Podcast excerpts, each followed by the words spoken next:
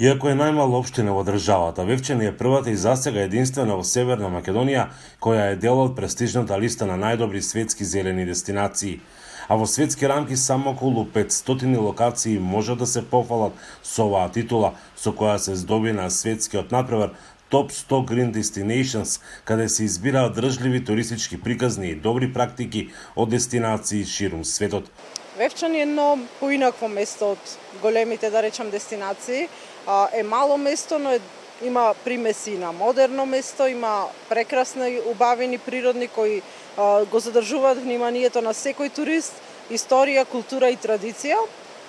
Во Green Destinations најмногу сме препознаени по нашите природни убавини и тоа што веќе е направено за заштитеното подрачје Вевчански извори, споменик на природата.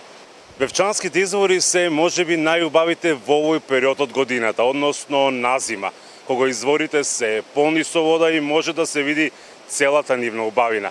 Инаку целото заштитено подрече, споменик на природата Вевчански извори, се наоѓа северо-западно од Вевчани, на источните падини на планината Јабланица, на надморска височина од 950 метри и офаќа површина од 1370 хектари. Сова Вевчани влегува во ексклузивна група на туристички дестинации, кои поради своите вредности се редкост и во светски рамки.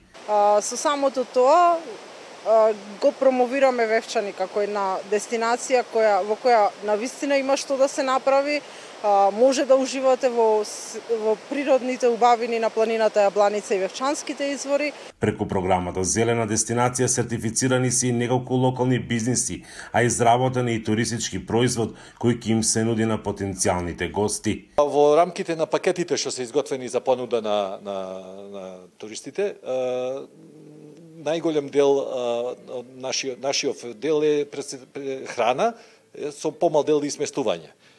Храна која може да се служи во самиот ресторант, а воедно и да се кетеринг, да се врши услуга на одредени дестинации низ планината и планинарски домови, езера и така натака. Самиот епитет зелена дестинација привлекува таков тип на туристи кои ќе се грижат за природата и ќе уживаат во неа. Очекуваме од сега во наредниот период да да вродат со плод, односно да добиеме е, многу попосакувани гости, гости кои е, се љубители на овој тип на на храна, на овој тип на амбиент и гости кои не прашуваат за цена, едноставно само сакаат да го добијат она што што го нудиме ние. Со со влегувањето во топ 110 зелени дестинации ни се отварат уште поголеми можности и на некој начин добиваме огромна реклама како дестинација.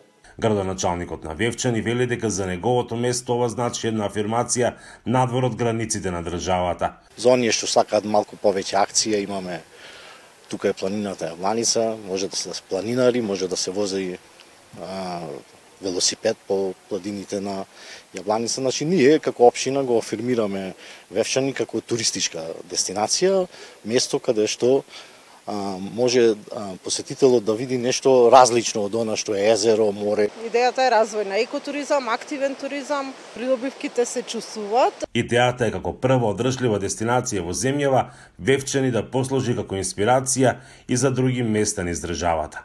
За гласот на Америка, Мики Трајковски.